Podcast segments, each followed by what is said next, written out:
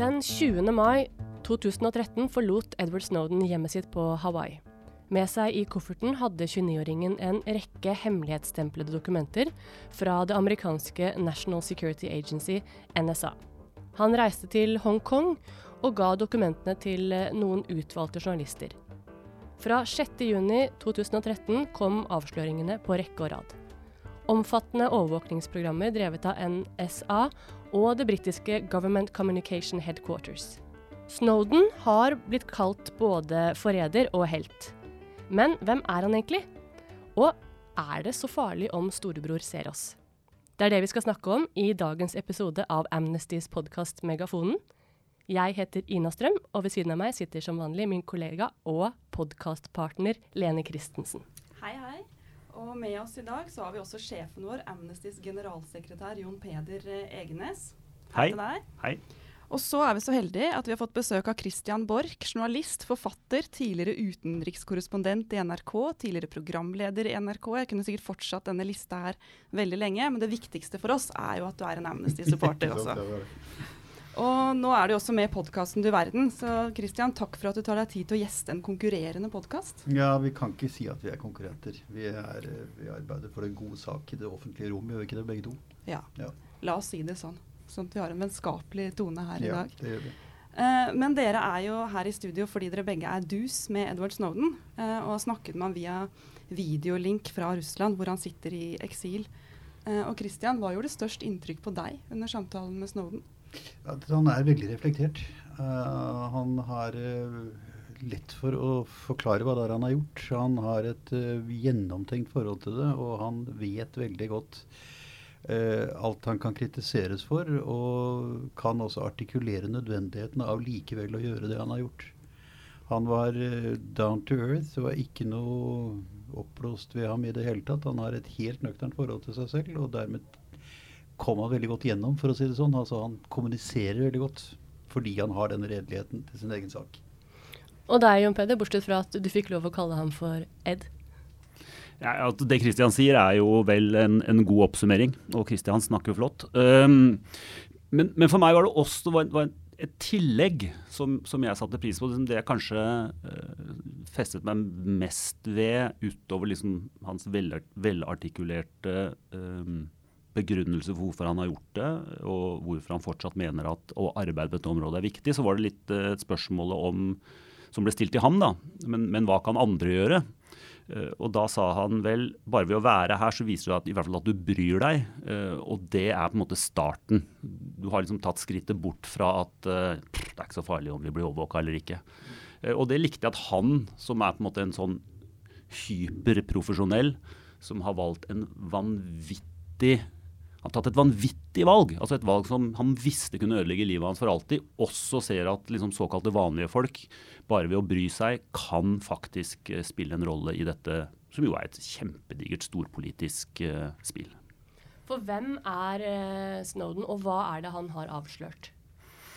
Ja, han var, jo eh, en høyt betrodd, selv om han var ekstremt ung. altså helt fra Han, han begynte vel å jobbe med dette før han ble 20, og så ble han bare liksom mer og mer betrodd. Først som ansatt i CIA, og så siden som en konsulent som ble hyret inn av dette National Security Agency, er det ikke det? NSA.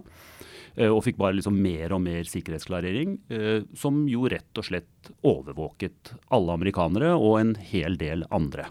Det var det som var jobben hans, eh, sammen med en hel gjeng andre som jeg har hørt han beskrive en gang, 21- og 22-åringer. Um, og så har han jo da over tid kommet til at dette går i feil retning. Nå sitter vi og følger med på alt amerikanere gjør på nettet, alt de gjør over mobiltelefonene sine. Vi bare følger med på alt. Eller i hvert fall vi kan følge med på alt. De sitter jo ikke og lytter på hver eneste telefonsamtale, men hvis de vil, så kan de, kan de finne ut av den. Og Så kom han til et punkt hvor han hadde tenkt til å, å, å, gå ut med dette. Og det vet jeg var sånn omkring første gang eh, Barack Obama da ble valgt. Og så, og så stoppet han seg selv og tenkte ok, nå kan det hende Obama hadde sagt ting som kunne tyde på at dette kom til å endre seg. Og så sa han at opplevelsen var at det egentlig bare ble verre. Og da bestemte han seg altså for å gå aktivt ut. Det er noe, noe, som jeg tror er veldig viktig i det du sa i introduksjonen din, nemlig at han la ikke dette bare bang ut på nettet, vær så god, her er all informasjonen. Men han gikk til svært velrenommerte journalister og medier, og lot også dem få lov til å redigere det. Eh, fordi at erfaringen litt med Wikileaks er jo at det kan ha en hel del uheldige eh, skal vi si, Viktige avsløringer kan også fort sette folk i fare osv. Her ville han ha andre øyne enn sine egne til å være med å redigere, nettopp bl.a. for ikke å sette folk i fare gjennom uh, avsløringene. Og Det er for meg et veldig viktig tilleggspunkt, og det viser veldig det Kristian sa i begynnelsen nå, at dette er en svært reflektert det er en eh, mann eh, som har gjort en veldig gjennomtenkt handling, og som har lagt inn sikkerhetsventiler i forhold til veldig veldig viktige områder, framfor å bare skyte det ut, som han jo meget vel kunne gjort. Jeg husker at han sa til oss da han var med på videosamtale under landsmøtet vårt i Trondheim, han forklarte liksom at da altså alle som har vokst opp for Alle som er 15 år eller eldre, har vokst opp i, i et samfunn hvor det å drive med overvåkning er veldig vanskelig. Man må bryte seg inn til folk og installere spionkamera osv. Og så fikk han da gjennom jobben sin innsyn i en praksis hvor da en fyr som han selv kunne sitte på Hawaii og ha tilgang til så å si alt det du gjorde på nett og på telefonlinjer, og avslørte også hvordan på en måte disse, disse um, NSA og Government Communication Headquarters og andre spionerer i så enormt stor skala. Altså De tappet seg inn på, på måte, den kabelen som går over Atlanteren, som er hele ryggmargen i internett og fikk styrt om uh, teletrafikk via sine lytteposter og sånn. Det, altså, det var så enorme ting han kom med. Men har disse avsløringene hans ført til noe? For det er jo helt, er jo helt vilt, det som Ina sier. Jeg så jo Citizen 4 her om dagen og blir jo helt lamslått etterpå. Det paradoksale er at det har i aller høyeste grad det. For det har ført til altså endringer i lovtekstene som gjør at denne virksomheten er under mye strengere parlamentarisk kontroll enn den var. Men uh, tiltalen mot ham går jo på en, uh, på en uh, kriminell handling. Altså Han er tiltatt bl.a. etter denne Espionage Act fra 1917. Og den har, gir ham ikke mulighet til å forsvare seg for en jury. Det betyr altså at han kan altså ikke stilles for en åpen domstol. Da vil han antagelig komme tilbake til Norge. Men han har altså oppnådd da med sine ulovlige lekkasjer at regelverket er akseptert feil praktisert.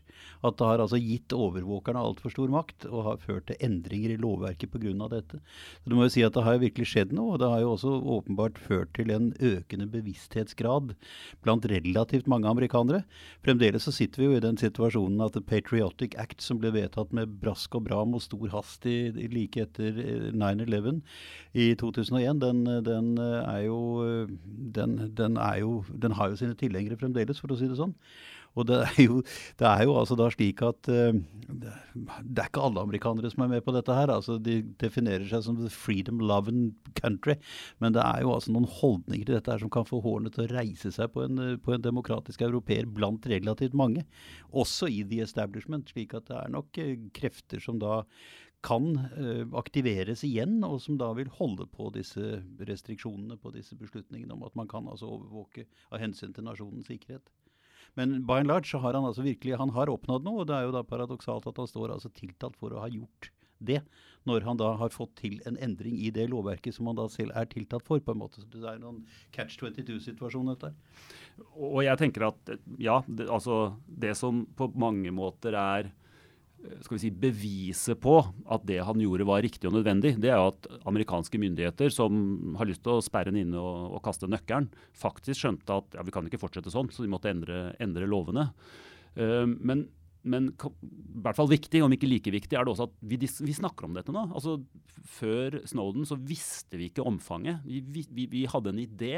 Uh, jeg husker en annen hacker som fortalte meg at la du merke til etter Boston-bomben og dette var før Snowden. sånn, Etter Boston-bomben, så var det en, og de visste hvem som hadde gjort det, så er det en politimann i Boston som sier ja, vi får gå tilbake og sjekke telefonsamtalene hans eh, for å se om han har vært i kontakt med andre. Og Da sa denne hackeren til meg hvordan kunne de gjøre det hvis de ikke overvåkte alle? For dette var ikke en fyr som egentlig ble fulgt. Så han sa dette må jo være et bevis på at de faktisk følger med på alle. Og det har Snowden bevist. De kunne faktisk gå tilbake på en å lete etter telefonsamtalene til en person som ikke var under etterforskning. Eh, og det at vi diskuterer dette, tror jeg er enormt viktig. Dessverre så, så, opplever jeg litt som Christian sier, at det er jo ikke sånn at folk er 100% imot at dette skal fortsette. Vi har fått noen lover i, i Storbritannia nå som, som, går veldig langt i å faktisk lovliggjøre det, det Snowden avslørte. Uh, men vi må på en måte ha denne diskusjonen gående. Og um, ja, vi kommer sikkert tilbake til denne, dette kjente utsagnet hans om uh, ytringsfrihet og, og overvåkning. Men, men, i alle fall Ta det, du. Ja, ikke sant. Snowden sier jo, han har sagt det mange ganger nå, at hvis du sier at du ikke er opptatt av overvåkning fordi du ikke har noe å skjule, så kan du like godt si jeg er ikke opptatt av ytringsfrihet fordi jeg har ikke noe å si. Eh, og det sånn som jeg tolker det, så betyr det jo at det kan godt hende at jeg personlig ikke har noe å skjule, og at det egentlig er helt greit om myndighetene ser på alt jeg driver med. Men hva med advokater og deres kontakt med klienter? Hva med journalister og deres kontakt med kilder? Hva med uh, det du har lyst til å si til en veldig veldig nær deg, som du ikke syns at det er greit at en 22-åring sitter på Hawaii og, og, leser, bare fordi det er creepy at de gjør det? Altså, du må, du må, tenke liksom utover din egen virkelighet. Er, er, det greit i vårt samfunn at myndighetene kan sitte og følge med på alt? For det er det de kan, hvis de vil. Vi i Amnesty og mange andre organisasjoner i tillegg til oss krever jo at eh, Obama skal benåde Snowden før han trer av. Uh, og Snowden er jo en av sakene under årets Skriv for liv, som er et brevmaraton som Amnesty arrangerer hvert eneste år. Og Christian, der har jo du skrevet et nyhetsbrev på e-post til våre medlemmer. Helt sikkert overvåket. Vi aner jo ikke hvor mange andre som har lest den mailen enn de vi har sendt den til. Men du har nå i hvert fall oppfordra folk til å skrive under aksjonen på, for, vår for Snowden, eller å skrive brev til Snowden og myndighetene. Og vi syns jo Snowden er en menneskerettighetshelt. Men, altså, du sa jo litt om det i stad, men hva, hva syns liksom den gjengse amerikaner om Snowden? Nei, altså det, det, tror jeg nok varierer veldig. Altså Det kommer an på hvilke kretser du snakker om. og det, Blant våre kolleger i pressen og i akademia og den type ting, så er jeg jo helt sikker på at han betraktes og har en heltestatus. Uh, men for veldig mange altså Dere husker jo reaksjonene. ikke sant, Da Donald Rumsfeldt og Dick Cheney og George Bush jr. skulle ha med seg hele Nato for å gå løs på Saddam Hussein og hans angivelige weapons of mass destruction. Altså De som ikke ville være med, fikk jo da voldsomme reaksjoner fra restauranteiere ikke sant, på Manhattan som med stor bravur og demonstrasjonsvilje helte ut bordeauxvin i rennestenen og fylte på med konjakk etterpå. ikke sant, og så videre For å vise sin ekstreme avsky strategi for at man ikke da følger opp dette. Så patriotisme får en del pussige utslag, for å si det forsiktig. Og det er altså slik at en Patriotic Act, den, den er jo også retorisk døpt, for å si det slik. For den vil jo altså da gi en slags hellig atmosfære rundt det å overvåke borgerne formelt for å forhindre at dette skal skje, men samtidig i en slik grad at det gir de som overvåker en makt som er helt åpenbart utilsiktet. Og det Snowden sier, det er jo altså at du behøver ikke å godta alt som foregår i et land for å være patriot, snarere tvert imot. Han er glad i sitt hjemland som, fordi det er et demokratisk land. Følgelig ser han det som en patriotisk handling å sikre demokratiet. Og det er jo det han gjør, og det er det han har altså da fått en god del tenkende mennesker til å forstå og bli med på. Og, som han har, og da stort sett da ved at han har altså avslørt ting som de ikke visste, ikke trodde på, men som de nå er nødt til å innse at sånn er det. Og dermed har de også fått store mengder av amerikanere til å tenke omkring disse tingene. Så dermed har han satt i gang bølger, og det er ganske viktig. Og det bør han honoreres for på en måte. Så spørsmålet er jo hvordan de kan klare å gjøre dette rent formaljuridisk. Og der har altså da president Obama enda noen dager igjen, for å si det slik. Han kan benåde ham. Det er ikke så lenge til 20.1, men tror Nei. du han kommer til å gjøre det? Det er nok i hans uh, sinn å gjøre det, tror jeg. Altså han, hvis han skal følge sine instinkter og intuitive uh, tilbøyeligheter, så vil han opplagt ønske å gjøre det. Men det er jo også et formaljuridisk spørsmål. Og denne, særlig denne Patriotic Act som, som Snowden er tiltalt for, den er vanskelig i så henseende. Um, apropos dette med hva mener amerikanere, så er det en uh, kjent Han er en britisk komiker, men han opp, opptrer i USA. John Oliver, som, som, jo konfronterte Snowden med at du har brukt helt feil taktikk. Fordi at John Oliver gikk på gata og spurte amerikanere om de kjente til uh, Snowden. Og det gjorde de blanda han med Assange, og det, var, det visste egentlig ikke. Men han var en eller annen spion eller et eller annet sånt som hadde avslørt noen hemmelige greier som han ikke burde avslørt. Uh, og så spør han de samme folkene men du, hvis det folk uh, kan sitte og se på de intime bildene du sender til kjæresten din, syns du det er greit? Uh, nei, da ble de voldsomt opprørt. Kan de det? Nei, men hva syns du? Nei, det måtte det være lov mot. At, uh, hvis de skulle si at de, jeg, jeg, vet ikke om det er lov til å si, man brukte ordet pikkebilder, da, for var mennene han spurte.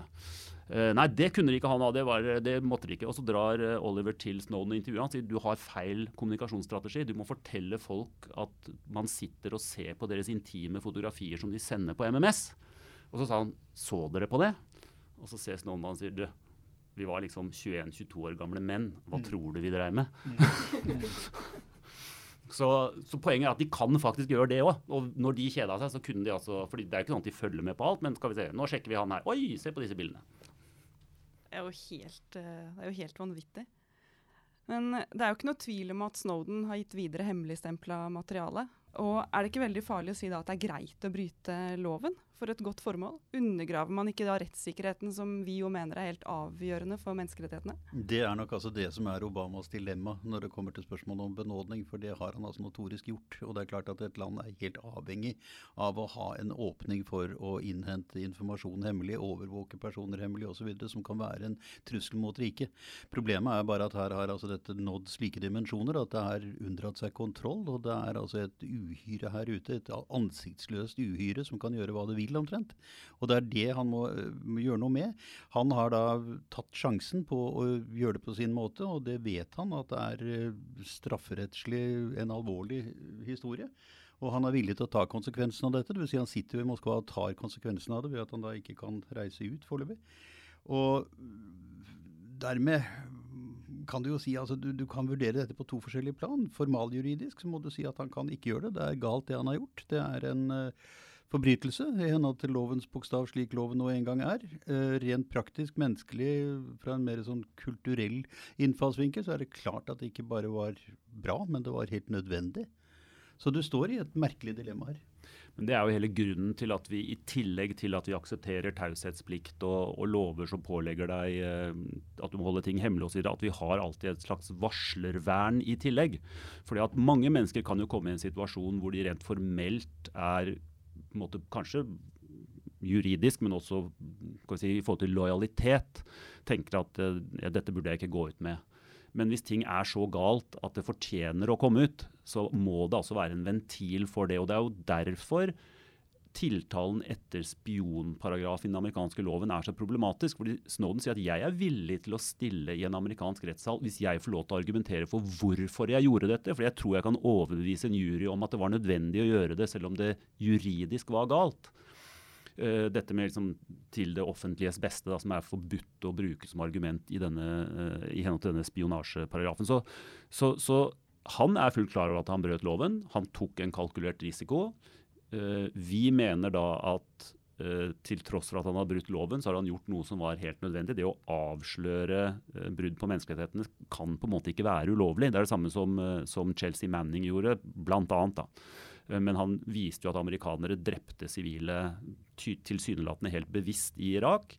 Uh, og det å bli straffet for det, altså å bli straffet fordi du bryter loven gjennom å avsløre andres lovbrudd, er jo på en måte et paradoks som, som, man rett og slett er nødt til å ha noen ventiler i forhold til. Nå har også USA et varslervern. Men det er bare at det er altså litt vilkårlig hvordan det fungerer. Vi hadde med på den, eh, det Penn-arrangementet hvor vi hadde ham i Litteraturhuset her for noen uker siden. Fra Moskva så hadde vi også med oss en mann som hadde sittet og hatt ansvaret for behandlingen av varsler i Pentagon. Og han fikk regelrett sparken fordi han kritiserte måten uh, disse varslerne var behandlet på av ledelsen. Og dermed så ble han altså ikke sant, rett og slett et offer for ja. det han selv skulle forhindre, ja. på en måte.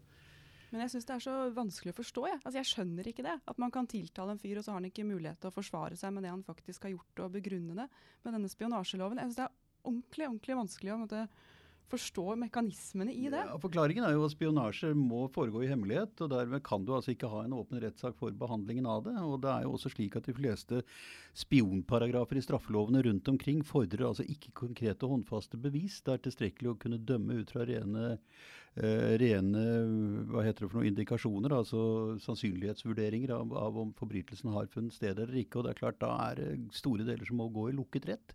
Og der vil han altså ikke få muligheter til å kunne forsvare seg eller legge frem sin sak for en jury.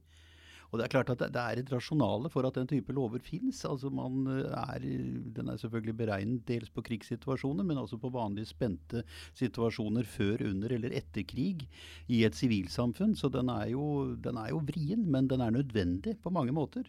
Det må man kunne forstå, selv om den virker som den gjør. Det er jo litt ironisk at han sitter i eksil i Russland nå, som faktisk har en lov mot foreign agents. Men eh. nå, løper jo det, nå løper jo det visumet hans da ut uh, neste, år. neste, år. Og det er jo interessant å se hvor uh, gode busser Putin og Trump er blitt ja. i mellomtiden, og hva det kan avstedkomme når det gjelder utlevering. Ja, Hva tror dere om det? Ja, Det er i øyeblikket, må jeg si, et av de store enigmatiske spørsmålene i internasjonal politikk. Det er virkelig vanskelig å vite. altså. Ja, for Man kan jo tenke at Putin tenker nei, vær så god, nå kan dere få han, for nå vil jeg heller eh, dyrke mitt forhold til Trump. Snowden for Putin er jo en brikke i et spill vis-à-vis -vis USA og Vesten. Eh, det er jo en uh, veldig stiv midtfinger rett i fjeset på, på amerikanske myndigheter. Så uh, det vil jo være helt uforutsigbart tror jeg, å se på lang sikt. Og, med Trump i Det hvite hus er jo alt uforutsigbart. Det er jo virkelig. Men, men Trump i Det hvite hus er for meg et enda bedre argument for det Edward Snowden gjorde. fordi at, eh, at den mannen skal kunne sitte og ha på en måte all informasjon om alle amerikanere. Det er jo, det, det er jo der hele denne skepsisen mot overvåkning må ligge. Det at du kan, altså vi, vi, i Norge særlig har en sånn veldig tro på at staten er snill, og de, de, kommer bare til å ta tyvene. Selv om de overvåker meg, så kommer de ikke til å gjøre noe gærent mot meg osv. Men vi må hele tiden se for oss at selv i Norge så kan vi få politikere med helt andre motiver enn de gode, snille, statlige velferdssamfunnet. De skal ta vare på deg-motivene. Og Vi ser det nå i land etter land. USA er på en måte kanskje, det, kanskje ikke det verste eksempelet, men det er et veldig veldig godt eksempel på at det er helt uforutsigbart hvem som kan ende opp med makten. Så har vi Ungarn, så har vi mange andre steder. Og Det er på en måte derfor vi må ha et, et, et stadig vern mot at myndighetene kan gjøre hva de vil, finne ut hva de vil, bruke det til hva de vil. Uh, vi må hele tiden på en måte ha et slags sånn uh, worst case scenario inni hodet, selv om vi akkurat nå kanskje føler at det er ikke så farlig om myndighetene ser tekstmeldingene mine. Jeg syns det er litt kjipt, faktisk. Det må jeg si. Ja, altså jeg insisterer på et privatliv. og jeg insisterer på at jeg vil ikke leve i et samfunn hvor kriminalitet eller engang terror ikke er en mulighet. For det samfunnet som jeg tror er nærmest det, er Nord-Korea. Og der har jeg ikke lyst til å bo. Altså Vi må leve med en kalkulert risiko for at noen bryter seg inn i huset vårt, eller at det faktisk skjer verre ting. For at Hvis vi skal eliminere alle de mulighetene, så lever vi i et totalovervåket samfunn som på en måte kan forutse, eller tror det kan forutse forbrytelser som det kanskje ikke kan forutse, eller helt, helt, sikkert ikke kan forutse. Og da kommer en hel haug folk til å sitte i fengsel som ikke burde være der. Selv om jeg nettopp sa at jeg ikke har lyst til at myndighetene skal lese mine tekstmeldinger, så tenker jeg burde man ikke ofre litt privatliv, da, hvis det da kan hindre terrorangrep? Ja, men Privatliv er én diskusjon. Men vi vet, fordi vi saksøkte dette som jeg ikke kan hele navnet på, men som Ina har tatt flere ganger, GCHQ, altså den engelske etterretningen. Vi vet at de overvåket Amnesty International. Vi vet med andre ord at de potensielt sett har visst om menneskerettighetsforkjempere rundt omkring i verden som har kontaktet Amnesty med informasjon som de helt sikkert ikke kunne tenke seg at noen myndigheter uh, fikk tak i. Vi vet at samarbeidet mellom ulike etterretningsorganisasjoner rundt om i verden er ganske stort og tett. Vi vet at en del av de vi samarbeider med, er stater som vi på ingen måte har lyst til å bli slått i hardkorn med. Saudi-Arabia er en, eh, en, alliert av de fleste vestlige stater akkurat nå. Sånn at liksom, når overvåkningen blir så massiv, så er det så mange farer eh, knytta til det at vi er nødt til å insistere på at også vårt eget privatliv må være liksom, det, det, må ikke bli så massivt at alle kan overvåkes. fordi at da er det en hel del folk, organisasjoner, enkeltpersoner, som har helt legitim rett til å ha hemmeligheter som går med i dragsuget.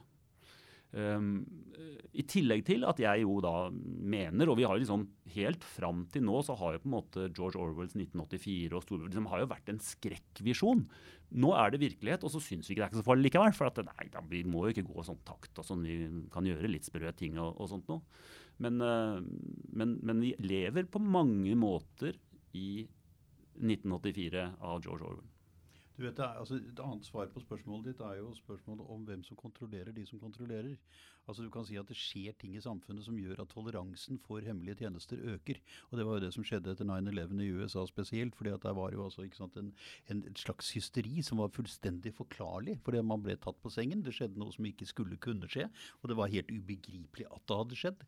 En terrorhandling uten sidestykke. Og det er klart det endrer folks oppfatning av hva man kan tillate eller ikke, for å hindre at noe sånt som dette skjer igjen. Problemet er jo bare at det er altså en sånn multiplikatorfaktor i dette, et slags logaritmesystem som gjør altså at noen da etter hvert kan bruke denne retten til å overvåke slik de selv måtte finne det for godt. Og kan utvikle dette videre uten at noen er i stand til å kontrollere det. For du kan ikke vite hva som skjer, hvor langt de kommer. Og jeg tror nok mye av det som skjedde, det som ble utviklet, og som Snowden selv var med på å utvikle, han var jo åpenbart en genial datamann, det, det er altså da ting som har gått langt, langt utover de premissene politikerne har hatt for å vedta disse lovene. Og den politiske diskusjonen som har vært ført i forbindelse med det, har vært helt på siden, fordi den har altså ikke ant hva det hele var. Og problemet her ligger jo i det at hvis ikke noen da sier fra, så er det altså ingen som vet hvordan dette mastodontuhyret har fått utvikle seg i det mørke rom, i det, de skyggene av samfunnet, på en måte. Og der er problemet. Så om dine tekstmeldinger blir overvåket, det, det, kan være nyttig, det. Hvis noen har mistanke om at du kanskje er spion. Men da bør man på en måte har fått en tillatelse på forhånd, og det bør være en eller annen form for demokratisk institusjon som du kan henvende deg til, eller som kan kontrollere det som skjer her. Og det har det ikke vært i dette tilfellet. Snowden sier jo selv at myndighetene ikke lenger beskytter folks privatliv. Eh, og under videosamtalen i Trondheim så sa han bl.a.: Samtidig som dette har påvirket meg personlig, er min største bekymring hva som skjer i morgen. Hvis vi ikke kan stå fram og si fra, hvis vi ikke kan demonstrere mot denne politikken og hva den gjør med både individene og samfunnene våre, så vil vi fortsette langs en vei som allerede skader oss, og som i løpet av kort tid vil begynne å skade barna våre. Så vi kan jo la det være siste ord fra Ed, som vi kaller ham. Så kjære Kristian, tusen takk for at du tok deg tid til å komme innom studiet vårt, og takk det samme til deg, Jon Peder. Og takk til alle som har hørt på. Gå gjerne inn på amnesty.no skråstrek skriv for liv. Der kan du signere aksjonen for Edward Snowden. Kanskje vi får Obama på glid før 20. januar.